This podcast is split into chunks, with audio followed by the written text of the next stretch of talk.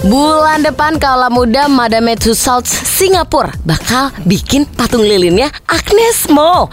Berarti the first musisi Indonesia ya yang ada gitu patungnya di Madame Tussauds ya? Iya betul sih Bel Cuman kalau Indonesia yang ada di dunia Kalau nggak salah Mbak Anggun pernah ada tuh patung lilinnya Di London kalau nggak salah ya Benar kalau ini yang bakal di Singapura ya cuy ya. Dengar nggak tadi gue ngomong? Ya maaf bu Kan saya nangkepnya yang pertama di Indonesia Kok bisa ya dibikinin patung ya Kita kapan ya Bel ya Ya jangankan kita kapan, gue aja belum ngasih tahu nih. Ini kapan nih bisa kita lihat patung Madame Tussauds-nya Agnes Mo? nggak apa-apa Bel Kalau misalnya nggak tahu kapan Yang pasti kan udah jelas Ini bukan hoax-hoax lagi kan Beneran ada patungnya kan? Beneran ada dong pak. Belum ada tanggalnya gitu ya Kayak lebih tepatnya kapan gitu. Tapi yang pasti berarti Kalau tadi gue ngomonginnya musisi ya Sebenarnya di Indonesia sendiri tuh udah ada empat sosok Yang dibikin Madame Tussauds-nya. Ternyata tadi Anggun C. Sasmi yang di Thailand cuy. Bukan di London Ya sotoy kan saya Hmm.